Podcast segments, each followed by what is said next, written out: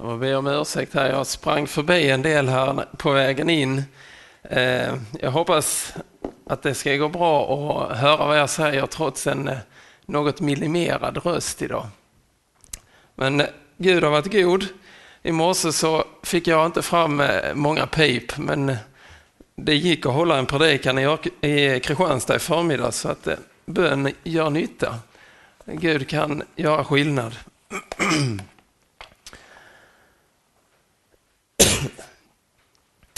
Jag ska läsa dagens evangelietext.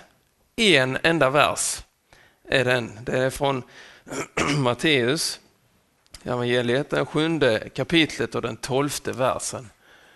En eh, oerhört känd eh, vers tror jag och ett känt budskap bland många människor. Det står så här, därför allt vad ni vill att människorna ska göra er, det ska ni också göra dem. Detta är lagen och profeterna. Herre, vi ber för den här stunden. Vi ber att du ska vara med. Helige Ande, kom och förklara det här för oss. Vi ber att du ska få, få plats och svängrum och göra det med oss som du behöver göra. Ja, tack för att du känner oss så väl. Tack för att du ändå kommer till oss. Är mitt ibland oss. Tack för att du inte ger upp. Tack för att vi får komma sådana som vi är. Vi får sitta ner och lyssna. Så ber vi dig att du talar från ditt hjärta in i våra hjärtan. Ber att orosmoment ska tas bort. Ber att min röst ska hålla och inte vara i vägen och fördärva budskapet utan låt ditt budskap gå ut och bära, bära frukt i våra liv, verka liv och befrielse. Herre kom. Amen. Man brukar säga att en, en predikan ska vara eller ska innehålla både lag och evangelium. Och när jag läser denna versen, eller hör denna versen, så, så funderar jag, hur? Allt vad ni vill att människor ska göra er, det ska ni också göra dem. Detta är lagen och profeterna.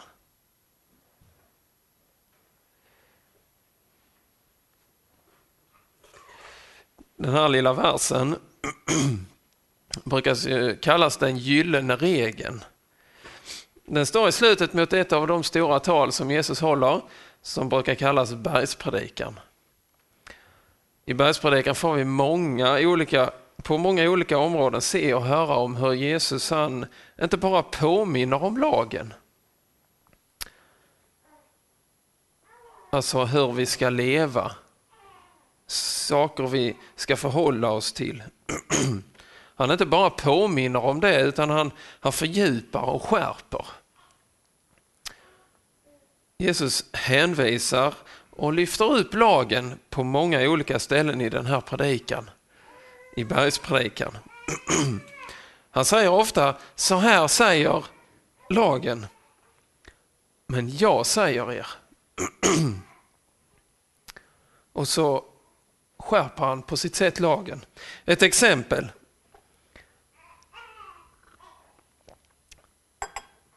I Matteus 5 och 21 så står det, Jesus säger, ni har hört att det är sagt till fäderna, alltså lagen säger, du ska inte mörda. Den som mördar är skyldig inför domstolen. Jag säger er, den som är vred på sin broder är skyldig inför domstolen och den som säger till sin broder, ditt dumhuvud, är skyldig inför Stora rådet och den som säger din dåre är skyldig och döms till det brinnande Gehenna.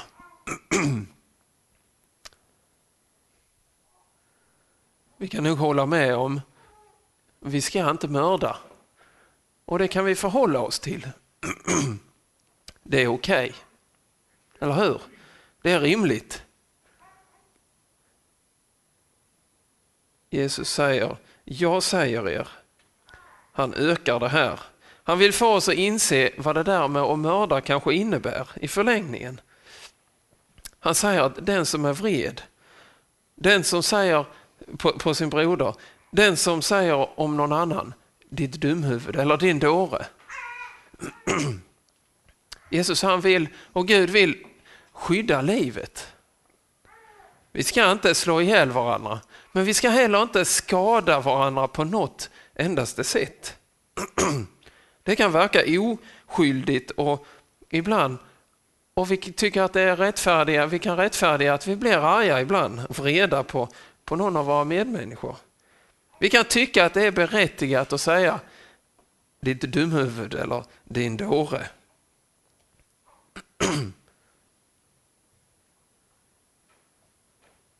Men Gud vill inte att vi gör det, för vi skadar varandra. Jesus han påminner det som, som människorna där redan vet, men han ökar på det. liksom. Han förtydligar och försöker göra det klart för dem och för oss vad han vill säga. I versen som vi har läst här, den gyllene regeln, kommer Jesus på sitt sätt inte heller med något nytt. Han vänder bara på det hela, vilket gör en väsentlig skillnad. Och vad menar jag med det? Jo, det finns en berättelse som utspelar sig någonstans 50 år före det här talet som Jesus håller, eller predikan, bergspredikan. Det berättas att det kommer en person till en rabbin. Och den här personen han säger att, eh, det är en icke-jude, han säger att om du, rabbin, Hillel tror jag han hette, om du kan lära mig hela lagen under tiden du står på ett ben så, så ska jag tro på det här. Det verkar ju helt orimligt, helt omöjligt. För vi vet kanske att judarnas lag och det som vi har i, i, i Gamla Testamentet, där är massor av regler. Massor. Men då säger den här rabbinen, det du inte vill att människor ska göra dig, ska du inte heller göra dem. Det är summan av lagen. Och så fick han med alltihop. Det du inte vill att människor ska göra dig, ska du heller inte göra dem. Den här berättelsen den blev lite av en legend. Den blev känd i hela Israel och alla som hörde Jesu predika, bergspredikan kände förmodligen till den här händelsen och det här uttrycket. Jesus han tar det där uttrycket som är känt och så vrider han på det hela. Jesus sammanfattar i en enda mening det ideala förhållandet mellan, som båda råder mellan oss människor. Han säger samma sak som är sagt tidigare, som är känt, och ändå så är det så stor skillnad. Är ni med på skillnaden? Från att det ni inte vill att människor ska göra er, till att det ni vill att människor ska göra det. Ett exempel för att förhoppningsvis göra det lite tydligare. Ett orealistiskt exempel skulle jag tro, men ändå. Lyssna. Föreställ er en person som ligger i koma. En person som när han föds är i koma och, och befinner sig i koma hela livet. På, på den personens begravning skulle någon kunna säga vilken man. Han stal aldrig. Han ljög aldrig. Han for aldrig med ilska. Han sårade aldrig någon. Och det skulle vara sant, eller hur? Personen i koma kunde inte göra det här. En annan person skulle kunna säga, ja visst, men å andra sidan, han gav aldrig något uppoffrande. Aldrig gav han någon en komplimang eller erbjöd en axel att gråta på. Aldrig någonsin sa han tack. Och det skulle också vara sant, eller hur? En person som ligger i koma har en ursäkt för att vara inaktiv. Den kan inte göra någonting. Jag funderar på vad har vi som inte ligger i koma, vad har vi för ursäkter?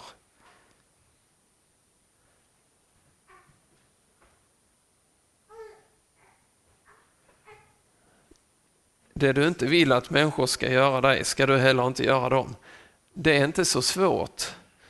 Det behövs inget initiativ från vår sida överhuvudtaget för, för att liksom klara den ribban. Vi kan enkelt, helt, helt stilla sitta ner, lägga armarna i kors eller ligga i vår säng. Vi behöver inte göra något. Och så check. Men när Jesus vänder på det hela så krävs det någonting. Det uppfordrar liksom till, till eh, en insats. Vi behöver gå ut på sängen, resa oss upp och det gör skillnad.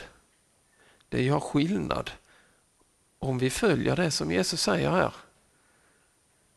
Allt vad ni vill att människorna ska göra er, det ska ni också göra dem. Detta är lagen och profeterna, det är sammanfattningen av det här hela. Och när jag hör den här versen och när ni hör den här versen så tror jag att vi allihopa kan, kan säga att, att det, är, det är ju så vi skulle göra. Det är så vi skulle leva, så vi skulle göra gentemot våra medmänniskor. Förmodligen praktiserar vi det här mer eller mindre, framförallt gentemot våra familjer förhoppningsvis, mot våra vänner,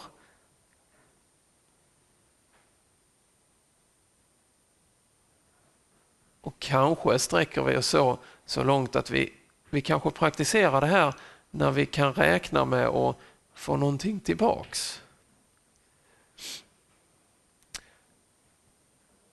Men när det kommer till de människor som inte står oss så nära, till de som vi inte tycker likadant som, till de människor som kanske retar oss eller tycker illa om oss, som kanske rent av hatar oss. Hur villig är jag då att hjälpa den människan som kanske är taskig mot mig eller som jag vet och ser att är taskig mot andra? Hur lätt är det att tala väl om den personen? Nej, det är inte så lätt. Orden här i evangelietexten är till oss. Det är en uppmaning och en vägvisare i en riktning. Det är en summering av lagen och profeterna. När vi funderar på det som står så tror jag vi inser ganska snart, precis som vi, vi inser i det här jag läste innan från, från när Jesus han skärper lagen, så inser vi att vi, vi, vi klarar inte det här. Vi kommer till korta. Vi gör inte allt det som vi vill att andra ska göra mot oss. Det har vi svårt för att ge ut.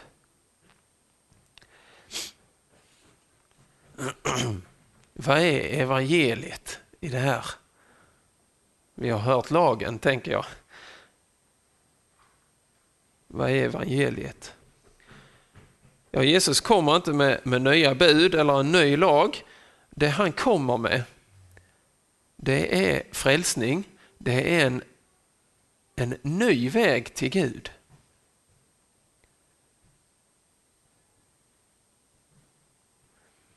Det är befriande och ett glatt budskap, ett evangelium, att Jesus tänker inte som vi. Han gör inte skillnad på människor. Han rår inte bara om den innersta kretsen de som står han närmst, de som tycker likadant som han.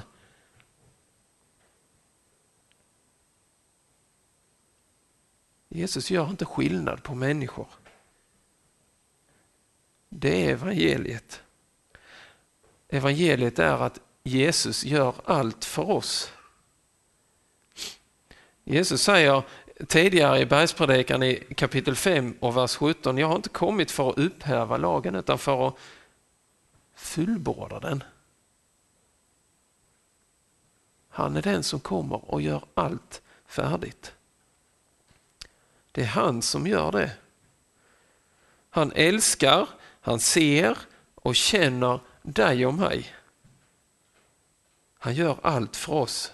I Johannes 15 kapitel, ett av, i ett av Jesu andra stora tal kan man väl kalla det, så säger Jesus Ingen har större kärlek än den som ger sitt liv för sina vänner. Ingen har större kärlek än den som ger sitt liv för sina vänner. Det ger han sitt liv. Och i versen efter, i vers 14, så säger han Ni är mina vänner. Ni är mina vänner. Och så gör han det.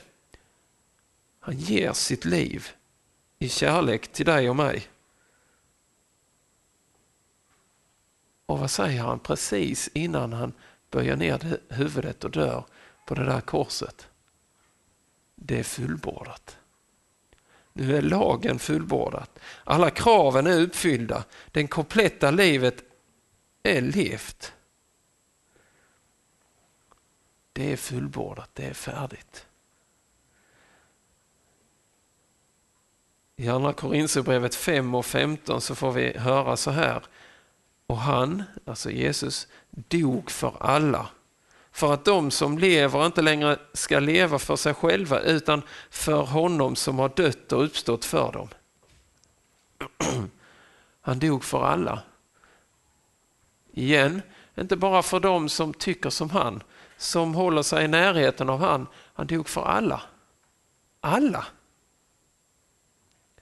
Och så står det, därför känner vi inte längre någon på ett ytligt sätt. Något nytt har kommit. Jesus har dött för alla. Det gör skillnad. Det gör skillnad för dig och mig när vi möter våra medmänniskor.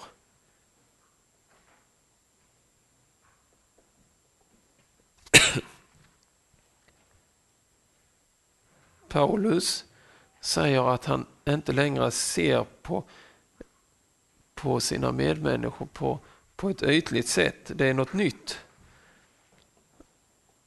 Ser vi våra medmänniskor på det här nya sättet? Alltså, när vi möter, vem vi än möter, den människan vi möter, det är en som Jesus älskar, som han har dött för, som han har gjort allt för. Här möter vi en som Jesus vill ha kontakt med.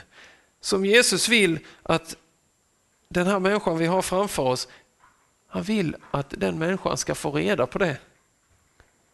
Vi har ett uppdrag. Gud vi sänder oss med ett uppdrag till alla människor. Han har redan sträckt ut sina armar och omfamnat hela mänskligheten och han ber oss och gå vidare, ge vidare. Och omfamna så att säga vår medmänniska. Vi får gå med det här fantastiska budskapet. Hur var det nu? Allt vad ni vill att människorna ska göra er, det ska ni också göra dem. Vi har fått ta emot någonting som är så, så stort. Vi har fått möta Jesus han som har älskat oss, som har dött för oss, som har uppstått för oss och som vill ge del av allt det som han har gjort, allt det som han är. Vi har fått ta emot något fantastiskt. Vi har fått ta emot frälsning, räddning. Den människa vi möter, var det än är. Om vi inte hade fått, fått ta del av detta budskapet, hade inte vi velat att någon annan hade kommit till oss allt vad ni vill att andra människor ska göra er, det ska ni göra dem. Hänger ni med? Vi har räddning att komma med, liv att komma med, frid att komma med, befrielse. Det, det kan vi och det får vi räcka vidare. Och så får vi ha och ta Jesu inställning och syn på människor får vi, får vi ha densamma till våra medmänniskor. Här handlar det inte bara om en inställning utan också om ett handlingssätt mot alla människor oavsett nationalitet och religion. I Bibeln kan vi läsa om hur Jesus möter olika människor. Det finns massor av berättelser och, och, och händelser att läsa om. Hur Jesus möter den som är hungrig, hur han möter den som är törstig, hur han möter den sjuke, hur han möter främlingen, mot den fångne, mot den fattige, mot den betryckte, mot den som, som har det jobbigt och svårt, mot den som är utstött, mot den som behöver förlåtelse, mot, mot den som är hans ovän, mot den som har övergett honom, mot änkor och så vidare och så vidare. Hans inställning, hans eh, sätt att handla får vi ta efter. Det handlar om att bry sig om andra utan några som helst förutfattade meningar eller krav på kärlek tillbaks.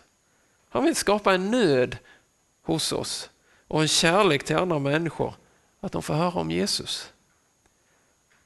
Han vill att vi bär ut budskapet om honom som har älskat och fortfarande älskar oss oändligt mycket. Det är någonting vi får lov att göra. Det är ingenting som han lägger som ett krav. Gör du inte detta så är du inte välkommen.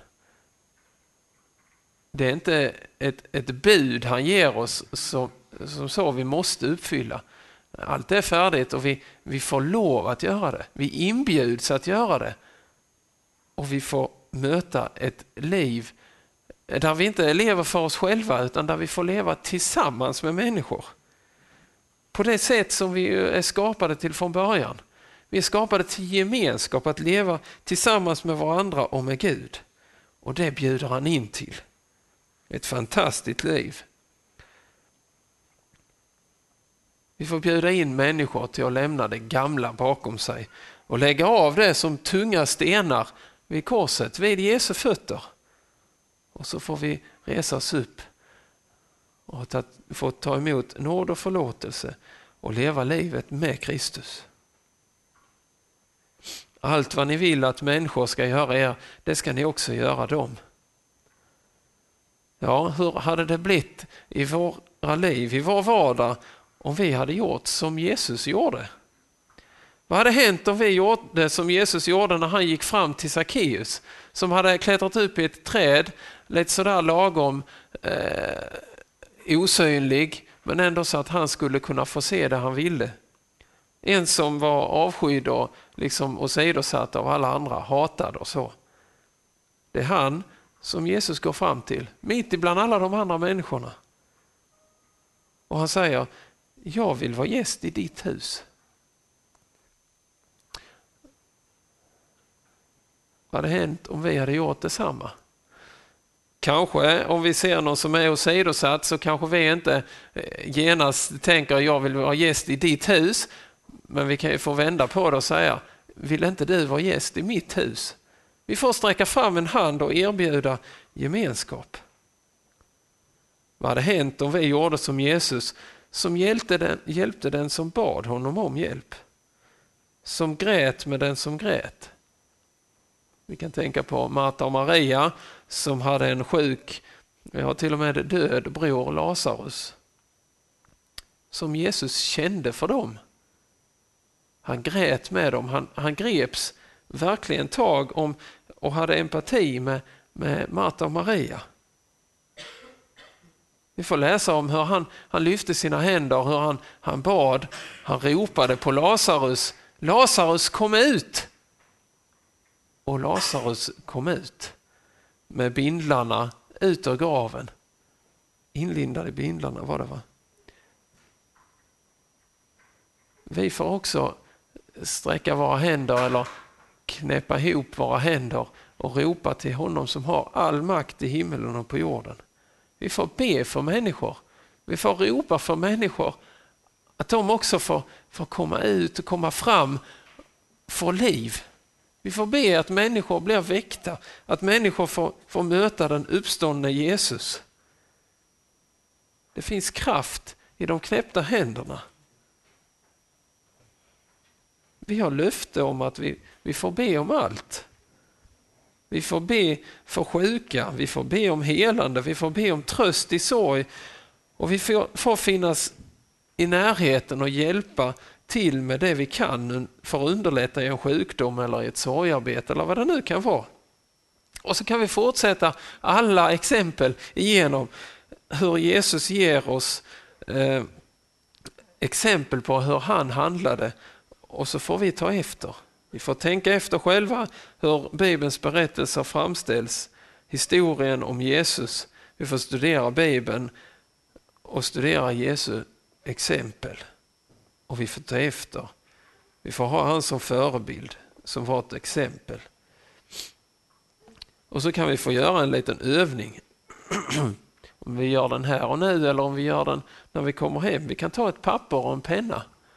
Och så kan vi fundera på att skriva ner något namn eller några namn som, som dyker upp. Och så kan vi ta det som en liten hemläxa. En start att ta ett initiativ. Inte sitta ner med händerna i kors, inte ligga ner i vår säng utan ta ett initiativ och göra någonting för någon människa som du skulle vilja, någonting som du också skulle vilja att någon annan gjorde för dig. Vi får ta det så, tänker jag. Det är så det står, vi utmanas till det. Men för att vi ska kunna göra det behöver vi älska våra medmänniskor. Och det, är, det kan vi göra till en viss gräns, tänker jag. Men det är omöjligt att göra det fullt ut. Det är lätt att ge upp om inte Jesus får vara centrum i våra hjärtan och liv. Han får vara drivkraften och den som, som får, får liksom föra oss framåt. För det är bara genom honom som vi får kärlek Eh, för att kunna älska våra medmänniskor. I Johannes, det första, eh, Johannes första brev, det fjärde kapitlet, vers 9, så står det så uppenbarades Guds kärlek till oss. Han sände sin enfödde son till världen för att vi skulle leva genom honom. Kärleken består inte i att vi har älskat Gud, utan i att han har älskat oss och sänt sin son till försoning för våra synder. Där är grunden och där är, där är basen och där är hela framtiden. Till slut någon sorts sammanfattning eller så. Jesus han uppmanar och bjuder in till att göra skillnad. Till att göra en insats för att få en bättre värld. För att människor i vår närhet ska uppmuntras, bli sedda, få hjälp, få stöttning. Men också att vi får berätta om, om den Jesus som vi har mött. Om den Jesus som gör skillnad. Om den Jesus som har fullbordat allt. Om den Jesus som älskar villkorslöst. Oavsett vår bakgrund, hur våra liv har sett ut. Jesus säger, vad ni vill att människor ska göra er, det ska ni göra dem. Och så är Jesus det goda exemplet. Han som har gått före, han som har uppfyllt lagen i vårt ställe. Han har tagit straffet på sig. Straffet för det som vi har gjort fel och brustit i. I Jesaja 53 pratas det om att han har tagit våra sjukdomar och, och så vidare på sig. Han går in i vårt ställe. Han bär vårt, han tar det på sig och vi får gå fria. Det vi inte kunde, det har han gjort. Och så ska vi få knäppa våra händer. Jag vet jag har sagt till några här, eh, har hört det, men en sak som jag lärde mig i somras som, som har, eh, har påmint om det så många gånger. När vi knäpper våra händer eller ska be så knäpper vi upp våra händer ju. Och då är det som om två världar möts. Den ena, det är du och jag. Vi har fem fingrar. Förbarma dig, förbarma dig över mig, syndare. Fem ord. Förbarma dig över mig, syndare. Det möts av Gud. Min nåd är dig nog. Så får det mötas och så får det bli vår bön här att och vårt tack. Att vi får precis sådana som vi är. Så får vi komma med våra fel och våra brister. Med allt det vi inte reder ut och, och, och lever upp till själva. Precis sådana får vi komma till dig. Och du tar emot oss. Vi möts av din kärlek och din nåd och det är nog för oss. Låt oss få se det. Det är det som gäller för oss, din nåd. Den räcker. Det behövs ingenting läggas till. Vi kan inte göra det och det är inget annat heller kan det. Vi kan sträva hur mycket vi vill och leva upp till den här gyllene regeln. Men det räcker ändå inte. Men du bjuder in till ett liv tillsammans med dig där du säger att jag har fullbordat allt. Allt är färdigt. Du får ta emot, du får leva. Du får också leva efter detta att, att göra dina medmänniskor väl. Hjälp du oss i vardagen att eh, leva som du vill. Hjälp oss framförallt att söka efter dig och din vilja. Hjälp oss att fråga vad du vill. Hjälp oss att efterfråga hur du tänker. Hjälp oss att se efter ditt exempel. Hjälp oss att hålla oss till dig. Hjälp oss också att, att gå i tjänst för dig. Hjälp oss att se våra medmänniskor. Alla medmänniskor. Inte bara de som är med oss utan även de som ibland är mot oss. Hjälp oss att inte blunda och gå förbi som, som de där i, i berättelsen om den barmhärtiga samariten, om, om prästen och leviten som såg den som var slagen och rånad där på, på vägen som gick förbi. Hjälp oss att vara som den som stannar när vi ser att här finns en människa som behöver hjälp. Herre, ta hand om oss.